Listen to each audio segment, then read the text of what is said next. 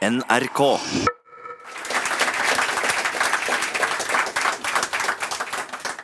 Hei og velkommen til økonomifestivalen Kokonomics i Stavanger, og til alle dere som lytter på P2. Mitt navn er Mima Kristiansson. Jeg er nyhetssjef i Klassekampen.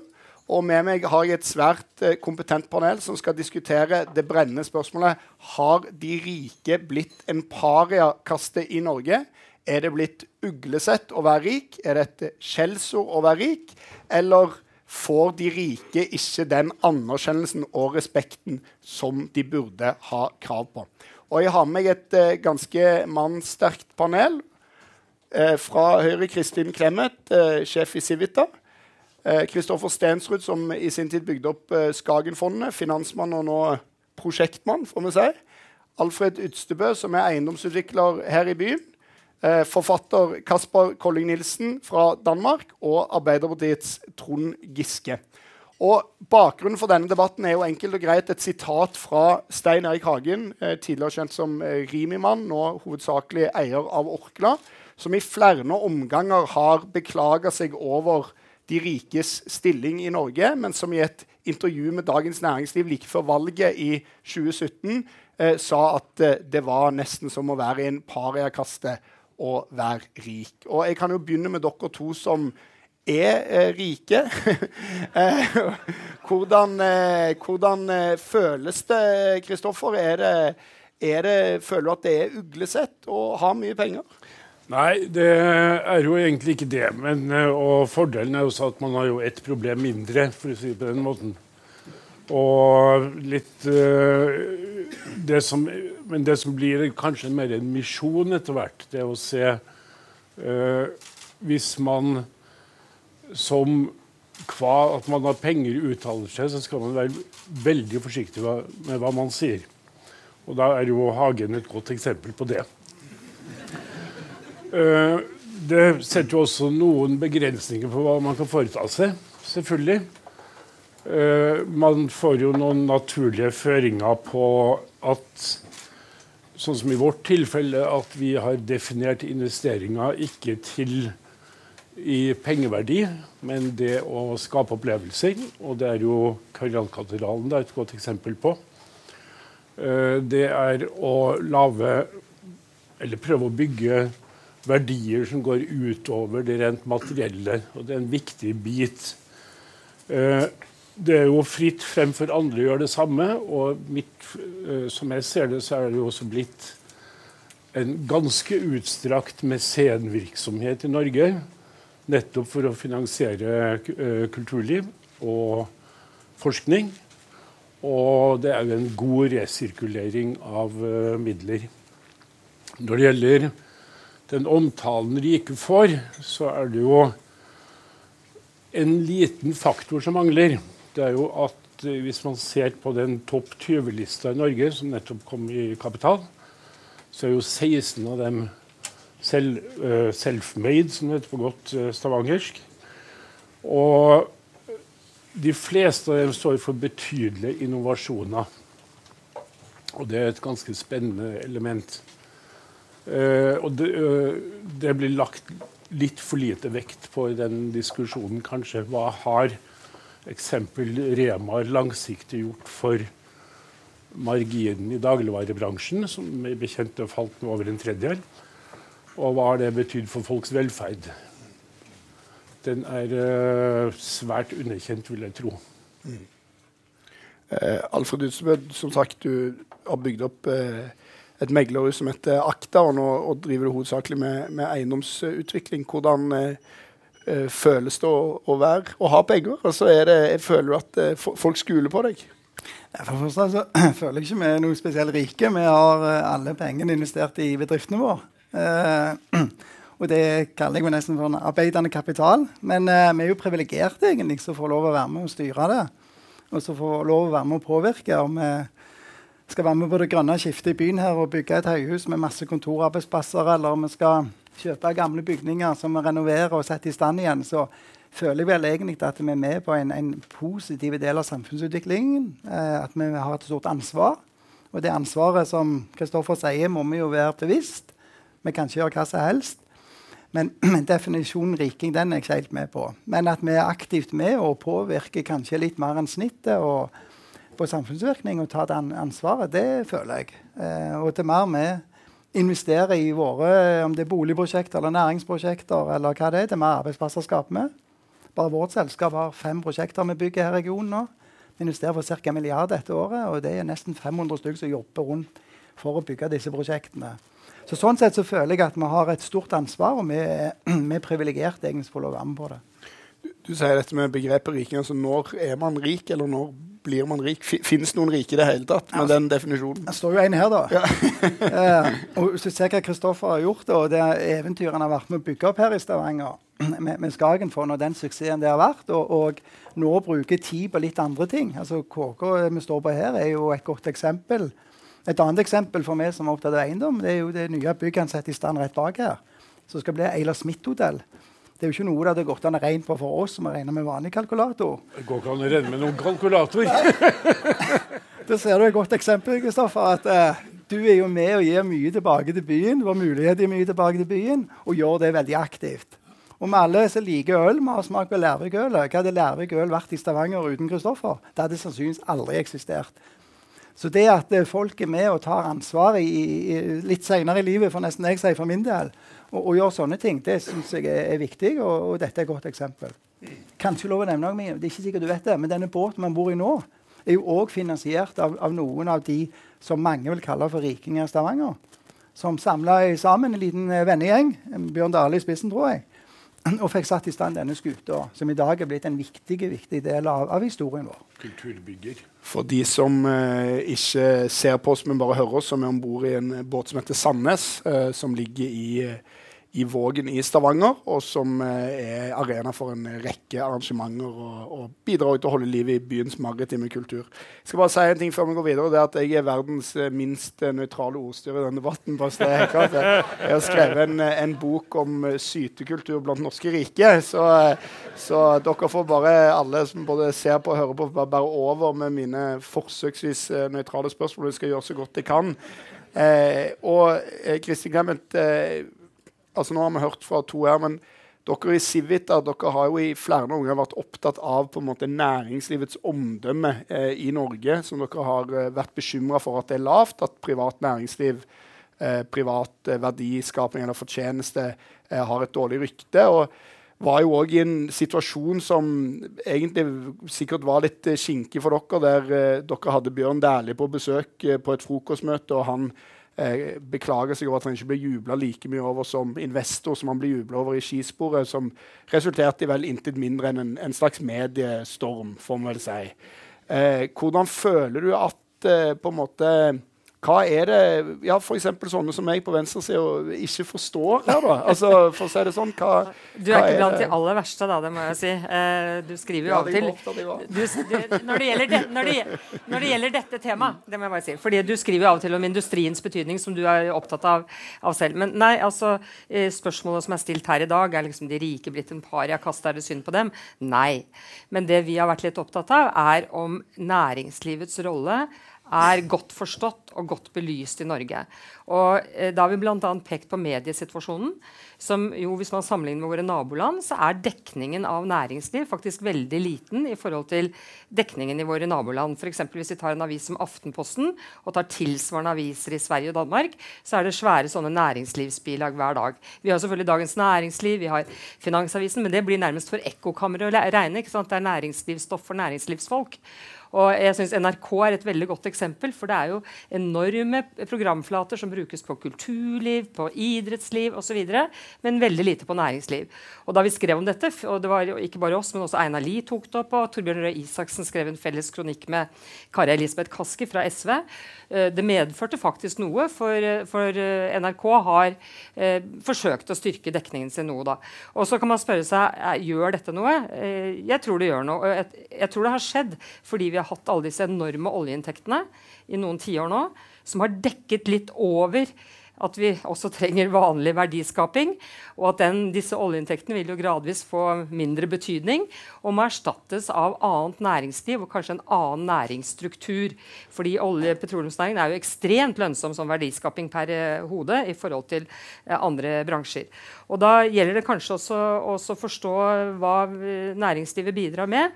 Og det er klart at eh, Hvis næringsliv bare omtales som de rike, og man ikke forstår hva som ligger bak. Altså, jeg kikket på de 400 rikeste i kapital, og da sto den samlede formuen i 2018 der er ca. på størrelse med ett statsbudsjett. Men det er jo ikke noen penger man kunne tatt inn og brukt til barnehageplasser eller sykehjemsplasser. For dette er jo arbeidsplasser. Mange hundre tusen arbeidsplasser. Eh, så det å forstå at eh, bak de rike at man, Jeg får si som Willoch, han har nettopp intervjuet han, for han har fylt 90 år. og Han sier at man kan ikke ha kapitalisme og privat næringsliv uten noen kapitalister. Men han er opptatt av at man skal ikke være grådig, og man skal ikke demonstrativt eh, så å si vise frem en vulgær type rikdom. Det har han aldri likt, og det liker han fortsatt ikke. Så det er et eller annet med, med dannelsesaspektet her også, men at vi trenger noen som er rike som kan investere i bedrifter og reinvestere i bedrifter. Det er jo helt nødvendig hvis ikke alt uh, skal være statlig. Og det vil ikke funke. Det vet jo selv du. Ja. ja vel. Ja vel. Nei, det er jo, eh, det er jo som eh, Som eh, jeg var frista til å, å, å, sitere fra Sven Jørgen Omdal, et av denne av bysbarna her i byen, som, som jo skildrer akkurat det Clement sier, at når et, et, verft i Haugesund vinner en kontrakt på 6 milliarder, så havner det på Norge Rundt, mens når noen raner en kiosk i Oslo, så havner det på Dagsrevyen. Så uh, det er på en måte kanskje litt av det. Men jeg har bare lyst til å spørre deg én ting til Kristian, før vi går videre. det er Når f.eks. du ser et sånt intervju som akkurat det vi snakker om med Stein Erik Hagen, et par uker før valget, DN har fått han ut i hagen, tar bilde foran en av hans dyre statuer, og han sier med en pariakasse, liksom. Tenker du ikke åh, Dette var dumt. Det spiller, det spiller, ikke så veldig stor rolle hva jeg tenker, men det jeg tenker Jeg, synes, jeg liker ikke at politikere, statsråder, altså på høyt nivå, omtaler noen borgere på en sånn måte at de, vi trenger dem ikke. Han har fått høre fra statsråder at han kan bare stikke ut av landet. Vi trenger deg ikke. Sånn syns jeg ikke man skal omtale borgere uansett. Det andre jeg vil si, at tilfeldighetene vil at jeg kjenner Stein Erik Hagen. Og det gjør jeg fordi vi vokste opp på samme sted. Og da vi var tolv år og sto utafor eh, og hang på hjørnet og prøvde å røyke og gjøre alle de gærne tingene, hvor var Stein Erik da? Han var inne i den bitte lille Vivo-butikken til faren sin og lempa bruskasser. Eh, sånn at jeg må si at jeg også har litt omsorg for den mannen, for han er skikkelig self-made. Eh, og så kan man si han er annerledes enn deg og meg, men det er faktisk lov å være. Eh, det er lov å være i et fritt samfunn. Og nå skal vi videre til i hvert fall en uh, som, som uh, om det var du, eller om du bare kjenner noen av de statsrådene som har vært i klinsj med Stein Erik Hagen. Eh, men Trond Giske, det er jo ofte Arbeiderpartiet og Arbeiderpartipolitikere som har fått skylden for denne, denne ja, stemplingen av de rike, eller jakten på de rike, som, som, har falt noen tungt for brystet. Hva tenker du, Er det vanskelig å være rik i Norge, og hva tenker du er Arbeiderpartiets forhold til de som har mye penger? Altså Arbeiderpartiet har jo eh, vel vært hovedarkitekten bak det samfunnet hvor det er mulig å bli rik. Eh, Harald Leia bruker å holde et foredrag hvor han viser at det er ikke noe land i verden hvor det eller Han viser vel et sammenligning USA og Norge. da, At det er lettere å bli milliardær i Norge enn i USA eh, i forhold til befolkningstallet. Jeg tror bare Island, eh, som har flere milliardærer i, i, i forhold til an, antall innbyggere eh, Men det skyldes ikke så fryktelig mange milliardærer, så skyldes det veldig liten befolkning. Eh, så jeg mener jo at vi har lagt til rette for at det er mulig eh, å investere, tjene penger på det, skape bedrifter, eh, faktisk bli ganske rik. Eh, og for å sitere en ikke navngitt partileders russekort, det er bedre å være eh, frisk og rik enn syk og fattig. Eh, det er ikke noe barekast å være rik. Det er ganske komfortabelt å være rik. Eh, og jeg er jo bekymra for de trekkene man ser i samfunnet, også til dels i Norge, hvor de rike trekker seg tilbake Eh, ser etter egne skoler, ser etter egne eh, helseopplegg. Eh, og ikke blir en del av det samfunnet som resten er. Jeg mener at En av Norges sterkeste sider er at fattig og rik, investor eller arbeidstaker eller arbeidsløs går i samme skole, bruker de samme sykehusene, har den samme velferdsstaten og slutter kollektivt opp om den. Det skaper tillit i samfunnet, det skaper en effektiv økonomi. Små lønnsforskjeller gjør at det er eh, mer lønnsomt i Norge å investere i teknologi og robotisering og effektiv eh, produksjon. Eh, og forholdsvis rimelig eh, lønn på høyere utdanning gjør at vi også har muligheten til å bruke den ganske effektivt. Så Det er jo f.eks. Pikettys store poeng at land med små forskjeller faktisk har høyere vekst og er mer effektive, i tillegg til å være land med høy livskvalitet. Og så vil Jeg si til slutt, jeg kjenner også Stein Erik Hagen fra mine år som næringsminister. fire år.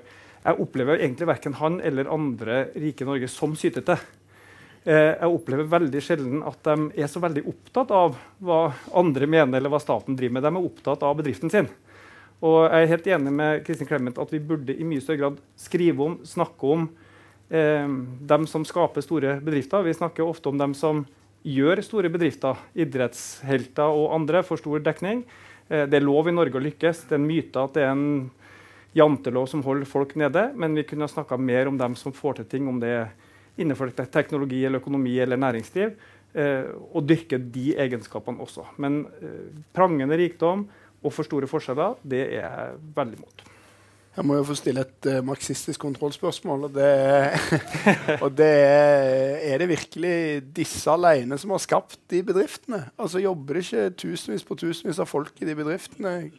Hva gjør de? jo eh, eh, ja.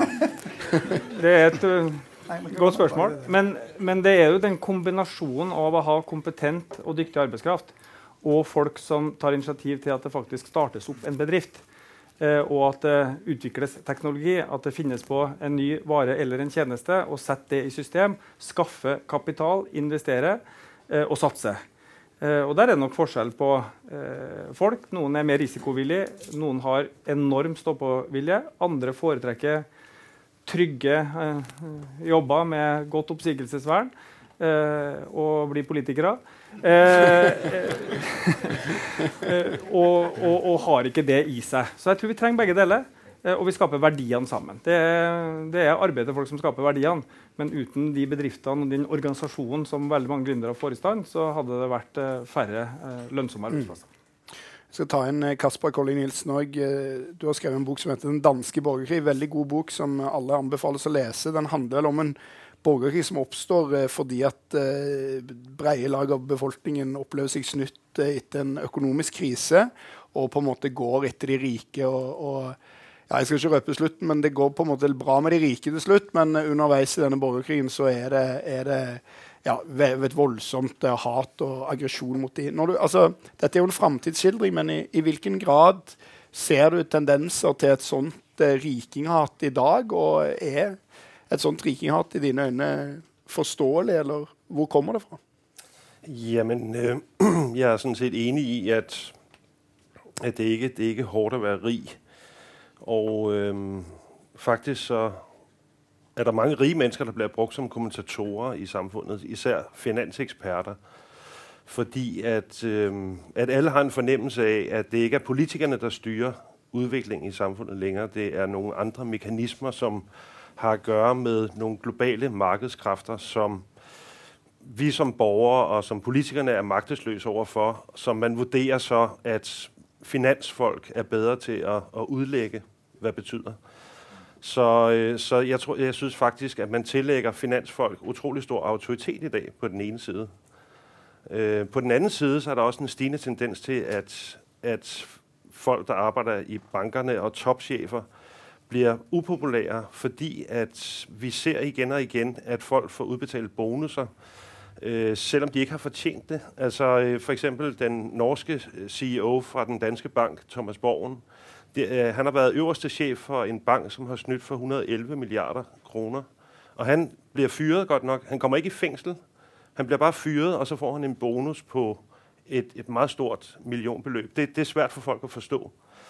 Øh, så tror jeg også, at, øh, at meget kapitalisme i dag er blevet kontraproduktivt i forhold til at udvikle samfundet. I gamle dage, hvis man havde en bedrift, hvis man producerede hatte for eksempel, og man var vældig dygtig til at producere hatte, og formåede at generere et stort overskud, så ville man investere den kapital i at udvide sin virksomhed og producere endnu flere hatte eller producere bukser. Øh, I den proces ville man ansætte en masse folk, som ville betale skat, og man kunne udvikle det lokalsamfund, man var en del af. I dag kan det meget bedre betale sig at investere den kapital i aktier, øh, fordi det giver et bedre afkast, og der man løber en, øh, en mindre risiko, og man skal ikke gøre så meget. Øhm, og så er der også den måde, kan man sige, bankerne fungerer på, som er problematisk efter min mening, at, at de fantasillioner og milliarder af kroner, som fiser rundt i et system blandt meget få rige mennesker, de kommer i sidste ende fra den boliggæld, som vi andre har. Og det må være den største overførsel av midler fra middelklassen til en elite, som det må være den største overførsel av penger noensinne i verdenshistorien. Og, øh, og det kan ikke være ved.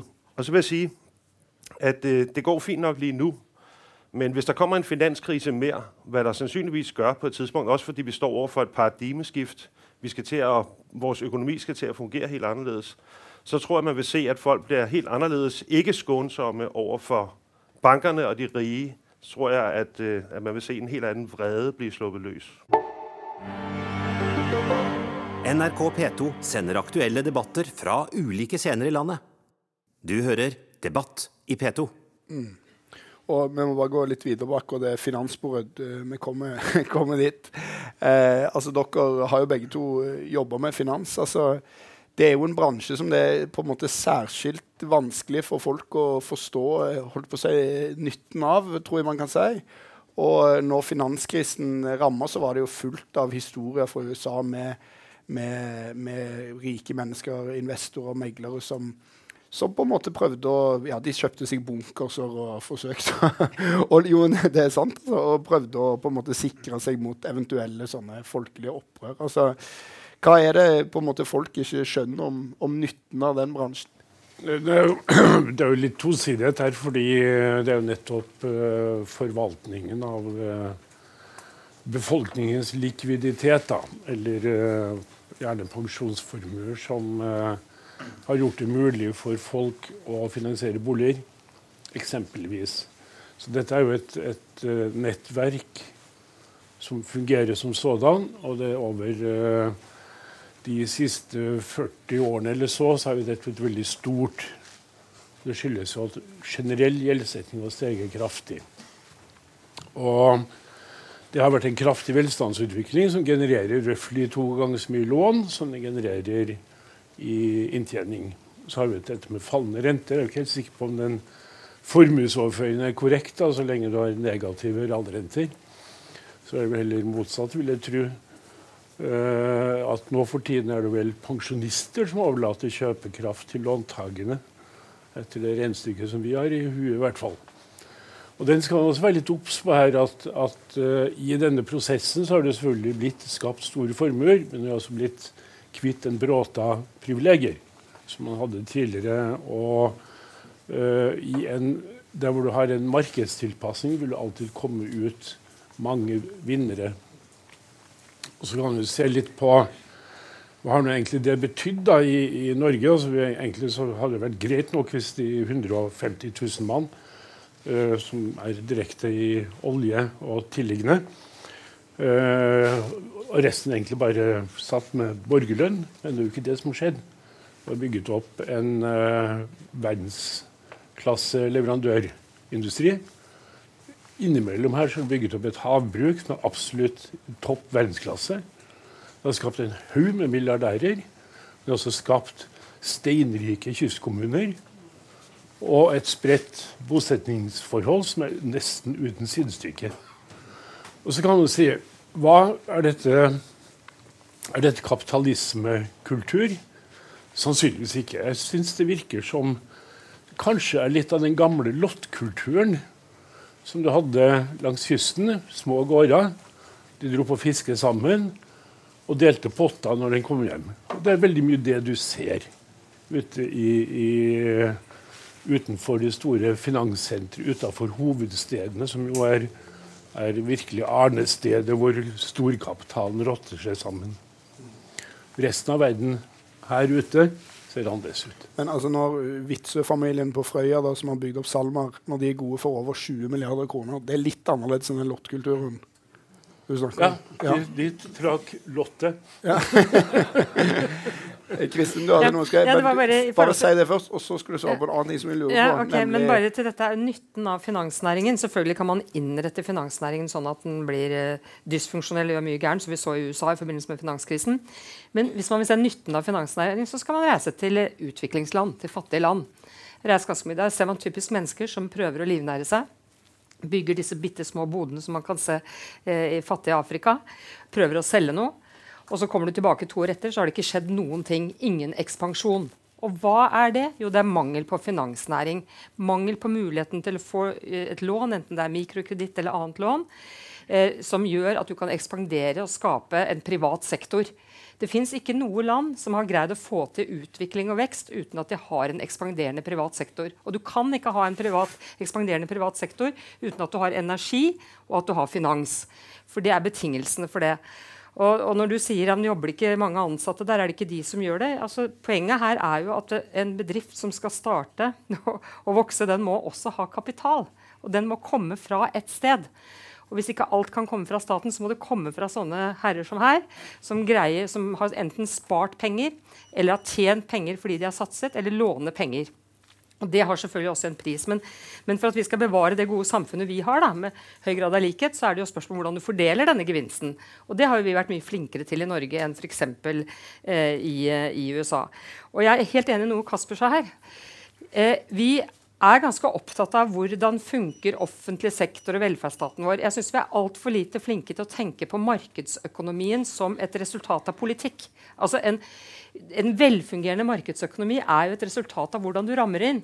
Har du en rettsstat, har du et konkurransetilsyn, altså har du alt det som skal til for at du får en velfungerende og mest mulig rettferdig eh, markedsøkonomi. Og det synes jeg politikere burde vært mye mer opptatt av, både nasjonalt og internasjonalt. Hvordan man kan, kan forvalte og foredle, vedlikeholde og fornye markedsøkonomien, ikke bare, bare, velferdsstaten. For vårt gode samfunn hviler liksom både på at vi har en velfungerende velferdsstat og en velfungerende markedsøkonomi, og et velfungerende samarbeid mellom partene i arbeidslivet og, og myndighetene. Det er liksom beina vi, dette samfunnet hviler på.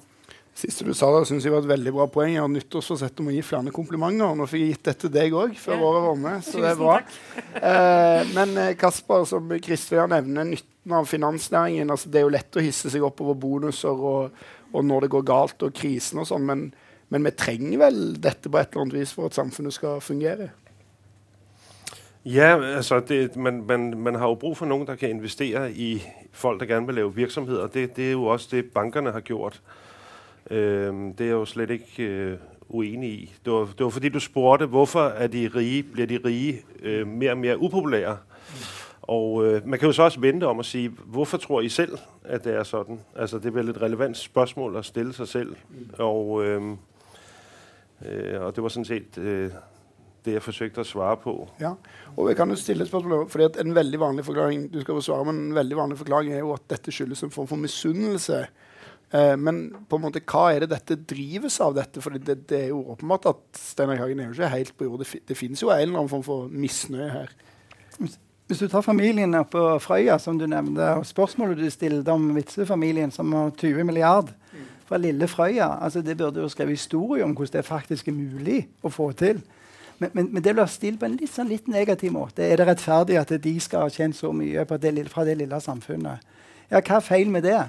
Og vi trenger egentlig ikke gå lenger enn vår egen eh, Vågen her. altså på 1850-, 60-, 70-tallet, når seilskuteindustrien var i vekst, så var det jo denne regionen som gjorde det veldig bra. Dessverre fikk vi ikke med oss helt når dampskipene kom. Vi kom litt tilbake, vi bakevja, men så kom vi sterkt tilbake igjen. Vi kom spesielt sterkt når hermetikken alt dette kom. Altså Denne regionen har gått sånn som dette.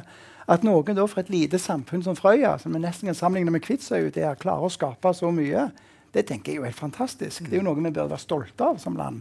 Men tror du, tror du mangelen på for det er jo noe man savner her, at dette blir snakka opp, at dette blir fortalt om osv. Tror du at det skyldes misunnelse?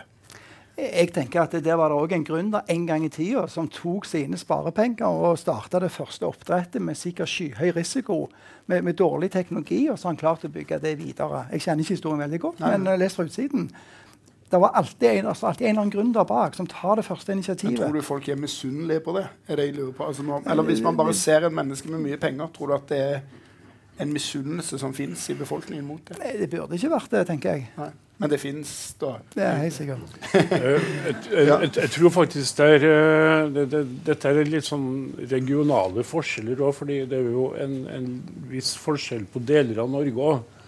Hvor typisk Østlandet har hatt en mer føydal kultur, og du har hatt godseierne, skogeierne, industrien var privateid. Her har det vært helt annen, et helt annet samfunn, og du har hatt en helt annen sosial mobilitet. Og det at de siste 30 årenes fantastiske utvikling i Norge har gitt denne ekstreme sosiale mobiliteten, er vel egentlig hovedpoenget. Og Sånn sett så tror jeg ikke det er, Jeg merker veldig lite misunnelse, egentlig, men eh, jeg legger jo veldig mer merke til at uh, det kanskje mer inspirerer til uh, skaperkraft og nyskapning. Mm. Og, og ja. Trond Giske? For det første så eh, tenker jeg at man skal selvfølgelig få en belønning av en hard innsats, en smart oppfinnelse, en ny organisering, et eller annet som man har gjort for å vinne et nytt marked. Det er, det er bra at det incitamenter, som det heter. Eh, men for det første så tror jeg at eh, utover en viss grense så har ikke de incitamentene så stor effekt. Jeg kan ikke forstå at eh, folk i finansnæringa, i hvert fall i USA, da, som har bonuser på mange titalls og i noen tilfeller hundretalls millioner kroner, eh, at det har noe stor effekt utover om de hadde hatt noen færre millioner. Og Noen ganger gir det til og med helt feil incitament fordi at den kortsiktige aksjekursen på, en, på et kvartal eller to, eller en fusjon, kanskje et salg, er det som belønnes aller mest, mer enn langsiktig verdiskapning. Sånn sett så tror jeg faktisk staten er en av de kapitaleierne som Eh, forvalte dette på en ganske god eh, måte. Vi har heldigvis ikke de utslagene så sterkt i Norge, men vi ser jo til dels eh, den utviklinga. Angela Merkel er jo en av dem som har advart sterkt i Tyskland mot at bl.a. finansnæringa tillater seg årlige bonuser som overgår det en lærer sykepleier kan tjene i løpet av et liv. Og Det skaper sosial ubalanse. I USA så eide den 1% rikeste i 1980 10% av verdiskapninga. Nå er det 20% det er dobla. Middelklassen har ikke hatt reallønnsvekst på 30 år. Mange har opplevd nedgang. Det skaper polarisering, det skaper sosial ubalanse. Og det ansvaret må også dem som har de største bonusene, de største gevinstene, også være med på å ta. Gustav Witzøe gjør jo en kjempejobb på Frøya. Deler, bygger idrettshall eh, og deltar i lokalsamfunnet. Så ikke noe stygt sagt om han. Eh, og for all del, lakseeventyret på 90-tallet var jo konkurs. Eh, det var ikke gitt at dette skulle bli en suksess. Mange tapte penger. Nå eh, er det mange mange milliarder. Og det som vi ser nå er jo at Mens man før kunne dele den velstanden som ble skapt gjennom mange ansatte eller mange underleverandører og samarbeidspartnere, så blir en del av disse veldig lønnsomme industriene mer og mer robotisert, færre og færre ansatte, og det eierskapet som tar det meste av verdiskapninga. Hvordan skal vi da skape god fordeling? Vi kan risikere, altså vi ser jo disse virkelig ekstremt rike menneskene i verden, altså Bill Gates eller Amazon-eieren eller den type folk, som altså har samla til seg så mye kapital eh, Apple er vel verdt omtrent det norske oljefondet nå. Eh, som skaper enorme ubalanser. Og, så jeg mener Nøkkelen her er tilbakeholdenhet på disse gigantbelønningene. En skattlegging også av formue, sånn at du får en god fordelingspolitikk eh, og sørge for at man har et samfunn som da gir nytt arbeid og skaper nye tjenester som gjør at folk har en anstendig lønn. Og bare for å si Det Kristin, det er jo ikke sånn at man må være superrik for å få til investeringer. Investeringer i et samfunn er lik sparinga i et samfunn. Og Hvis folk har anstendig, et anstendig lønnsnivå og kan sette av litt kroner, sette dem i banken, så går det også tilbake til investering i form av lån til dem som starter en bedrift eller gründer en virksomhet. Så det er jo ikke bare superrike som bidrar til investering i et samfunn. Men, men, ja. men, bankerne kan ikke regulere seg selv. Øh, det der med å, å appellere til mådehold, og folk ikke må være så grådige, det er, det er en fiksjon. Det kommer aldri til å ske. Øh, det kan ikke la seg gjøre. Øh, så, og, og, dessuten, hvis man innførte, la oss si man innførte noen restriktive regler i forhold til hvordan man, man, skulle, si, man skulle betale en avgift for når man investerede aksjer, f.eks. i Danmark, eller, eller pålegge den finansielle sektor i Danmark eller Norge noen særlige begrensninger, så vil de bare bli oppkjøpt av noen andre virksomheter, fordi at alle er en del av en kjempestor global økonomi. Og, øh, og det gjelder på en lang rekke områder i dag, at, at det, det, det globale markedet i langt højere grad enn politiske ideologier og politiske partier, der styrer utviklingen i verden. Og alle forsøger å tilpasse seg markedets krav. Og der er ikke nogen, der styrer tingene længere. Der er ikke nogen kontrol. Der er ikke, nogen, der er ikke engang nogen steder, du kan henvende dig. Så tingene udvikler sig bare, som de nu engang gør, og så må det ende, som det nu engang ender. Og der er ikke rigtig noget, man kan gøre ved det. Jeg spørre deg, Kristin, om, om, akkurat det, det der appellene til måtehold, som, som du nevnte med Kåre Willoch og sånn. Hvor mye fungerer det egentlig? Nei, altså Det fungerer jo selvfølgelig ikke fullt ut, men jeg må nok si at det er viktig å skjelne litt mellom USA og Norge her. Altså Når du tar lønningen i finansnæringen, hvor, måten de var konstruert på i USA, så var det jo en viktig årsak til finanskrisen. Dette har Civita skrevet eh, bindsterke notater om, så dere kan lese. Eh, men bare for å illustrere forskjellen på Norge og USA så er det sånn, og nå må jeg presisere at Dette er ikke et forslag, det er noe jeg prøver å illustrere. for at, uh, tidligere så har jeg blitt misforstått. Hvis man fjernet hele velferdsstaten i Norge og alle skatter i Norge, så ville likevel den økonomiske likheten i Norge være høyere enn den er i USA. Med skatt og velferdsstat, altså den amerikanske velferdsstaten. Og Det forteller noe om at det er ganske store forskjeller, og at eh, liksom, markedet vårt og måten vi gjennomfører lønnsoppgjøret, lønnsdannelsen på, det i seg selv er relativt likhetsskapende da, målt mot markedet i mange andre land. Så det er en ganske stor forskjell. Eh, men det er klart, eh, vi kjenner jo ikke eh, fremtiden, og, som Trond er inne på. så det, Vil vi få en sånn teknologisk utvikling, så, så dette fordelings eh, måten vi fordeler på, må forandres. I dag er det slik at eh, noen og 70% av omfordelingen kommer fra velferdsstaten, og noen av 20% kommer fra skatt. og I tillegg så er det mye omfordeling i, i for, mer og mer omfordeling i form av gratis tjenester som liksom ikke regnes inn når man beregner likheten. Men det kan hende i fremtiden at vi må diskutere ting som Jeg vet ikke, jeg er ikke for, for det nå, men kanskje i fremtiden borgerlønn. Det kan man ikke vite. Men det kan komme på, eh, på tapetet. Men et lite poeng som jeg hadde lyst til å nevne i forhold til hva de næringsdrivende bidrar med. Et eksempel som jeg syns er ganske sånn morsomt. Johan Andresen er jo en, en av de vellikte rike, tror jeg. Altså, som, eh, og han blir veldig godt likt, for han driver med sosiale entreprenører. Som både er kommersielle og ideelle. og ingenting sånn. Men vet at det er jo, hvor stor del av virksomheten er det? Det er en flis. Kanskje, jeg vet ikke hva han bruker på det. 10-20-30 millioner. Hvor mange milliarder er konsernet? Det må jo dere vite, men 30-40 milliarder eller sånn? Noen og 20. Noen og 20. 20-30 milliarder. Det er nesten ingen som snakker om. Den verdiskapingen, altså det Ferd driver med, som er liksom hovedvirksomheten, som er 20-30 milliarder, enorm verdiskaping, arbeidsplasser osv., hører vi ganske lite om. Men han er veldig berømt for det han gjør på sosiale entreprenører. Ære være han for det, men det illustrerer litt at, at rike da, de får liksom kred for å gi bort noe penger, og litt mindre kred for all den verdiskapingen som skjer. Men den er jo tross alt mest viktig for vår velferd. Men den er veldig populær i Haugesund, da, for det er han som eier det store verftet der oppe. Ja, okay. ja, han er populær, men jeg mener han er veldig populær fordi for, Vi skal gå videre på akkurat det du sa til slutt, bare for å holde fast i, i akkurat dette med dannelse og måter. Altså, I den nyeste boka, samtaleboka Kåre Willoch har med Torbjørn Isaksen, så Altså Nå kommer jeg til å sitere fritt fra hukommelsen, noe Kåre Willoch siterte fritt fra hukommelsen i den boka, så dere får hjelpe med meg. Men dette skal i hvert fall ende hos Adam Smith, som på en måte er liksom kanskje kapitalismens eh, fremste ideolog. Men han har et sitat om at der hvor et eh, to-tre næringsdrivende møtes i skjul, så vil det i løpet av en time oppstå en konspirasjon eh, mot kunden. Og, og, spørsmålet her er når du nevner alle disse positive sidene ved likheten i Norge dette har vel de rike historisk motarbeida så godt de kan? Men, men, men, har de ikke det? Men dette er jo opplagt at en bedrift som konkurrerer, kan jo tenke seg å bli fit, kvitt konkurrenten. Altså Det ligger liksom i sakens natur at du prøver å utkonkurrere noen. da. Og eh, Jo mindre konkurrenter du har, jo mer behagelig er det. Men hva er da myndighetenes oppgave? Det er å sørge for at det er konkurranse.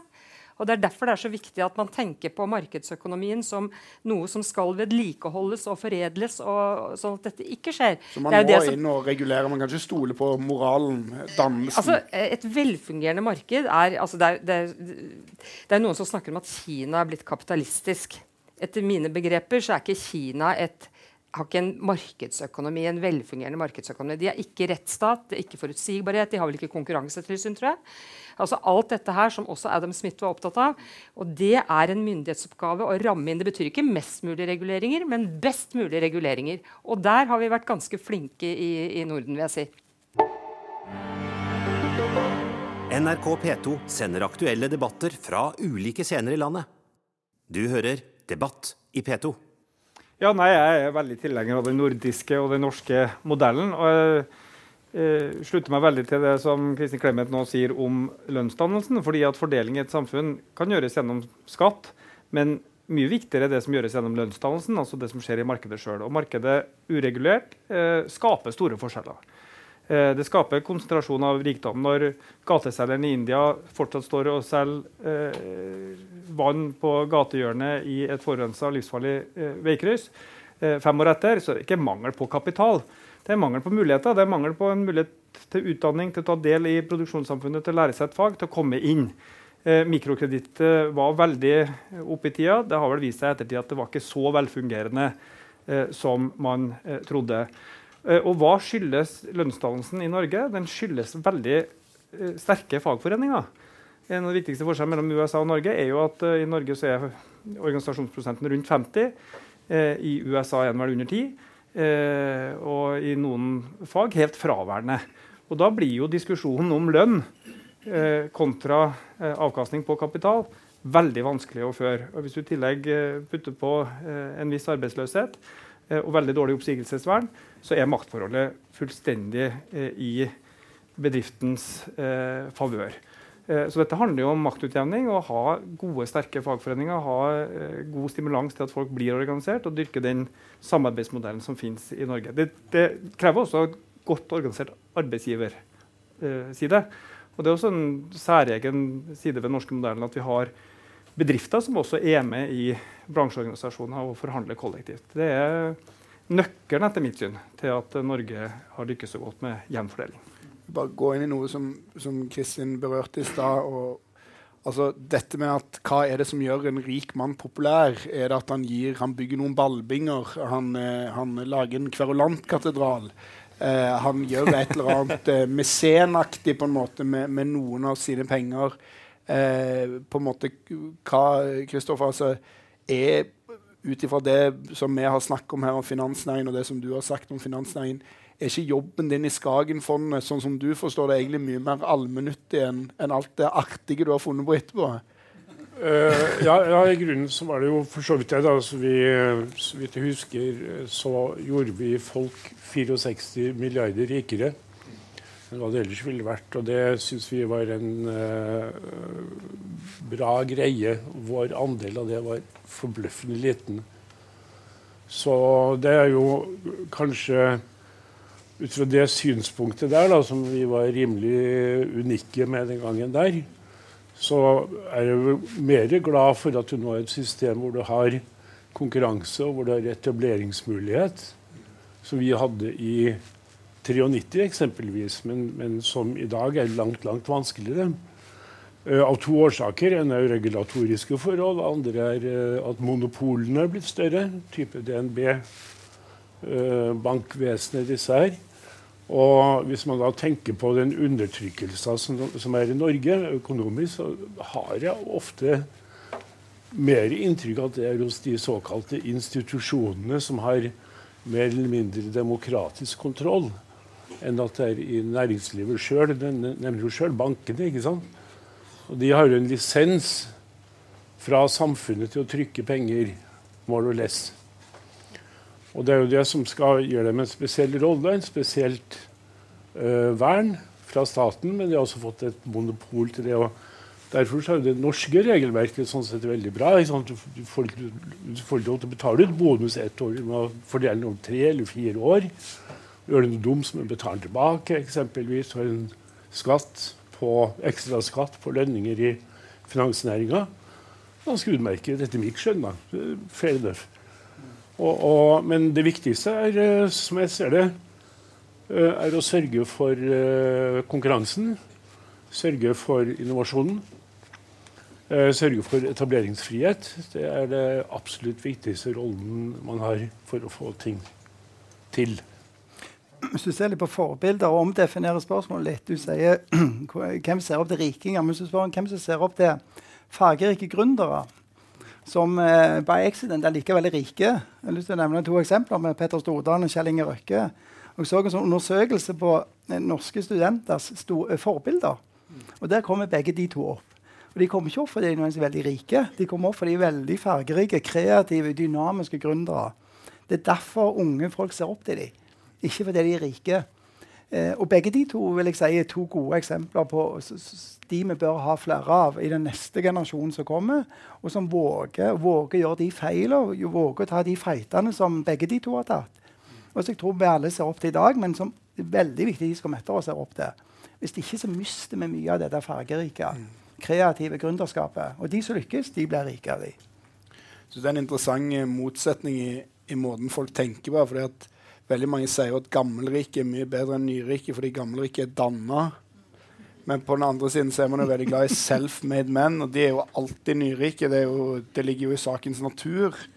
Så på en måte man liksom Man er glad i begge to, da. Eller det, det er på en måte en litt sånn interessant eh, på en måte dis, dissonans der, da. Men eh, Gasper, jeg bare spør deg om dette med at man har bygd opp en milliardformue, og så gir man noe penger til Louisiana kunstmuseum, eller uh, hva det skal være. liksom. Altså, det er to ting jeg egentlig lurer på. Hvorfor er det så viktig for rike å gjøre sånn, tror du? Og, og hvor mye hjelper det på omdømmet deres, altså på hva folk syns? Mm, det hjelper sikkert litt. Det har, det har, rige mennesker jo gjort øh, siden det var rige mennesker. Og øh, jeg vil heller ha at de betaler skatt. Mm. Jeg synes det er underlig å skatteoptimere og ha 20 mennesker ansatt til å, å, å skatteoptimere, som det jo heter, å snyte i skatt. Øh, og, så, og så være mesen i sin fritid. Det, jeg synes, øh, det virker hyklerisk på meg. Ja. Og det, og det, er jo et øh, videre spørsmål som du nevnte, et, et privilegium det å ha muligheter til å, å bygge her i byen, utvikle byen. Altså, dette privilegiet er jo en eller annen form for makt eller innflytelse. altså eh, på en måte, Hvem er det som har bestemt at du skal få gjøre det, eller at du skal få gjøre det? Altså, det er jo sånn sånne på en måte private initiativer er, jo muligheten til å gjøre noe man vil sjøl. Og ja. det har jo de færreste mennesker.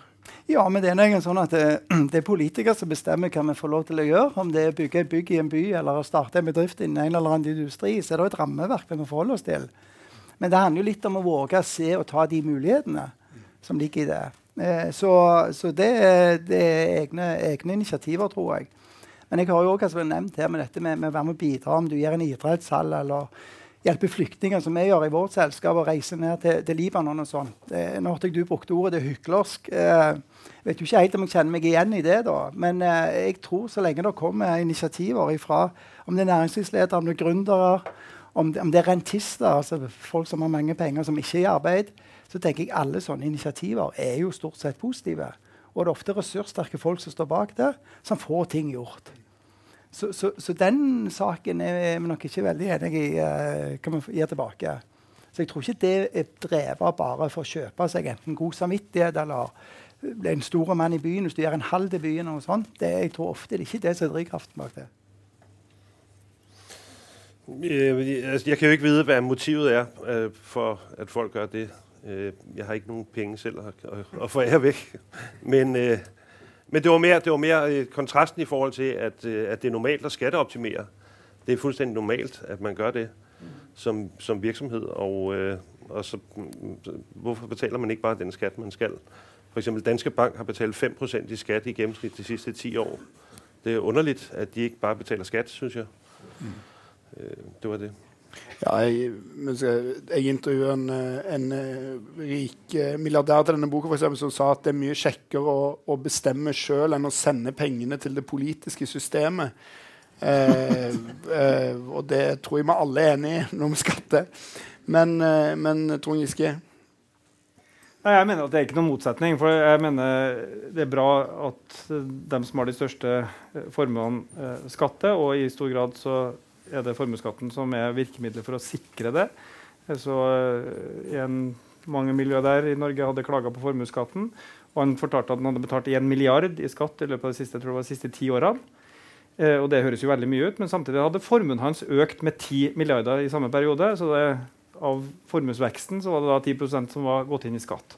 Og veldig mye av eierskapet blir jo beholdt i form av formue. Eh, enten økt aksjeverdi eller at man tas ikke ut som utbytte eller salg av aksjer. og Da må du ha et system for å få til den omfordelinga.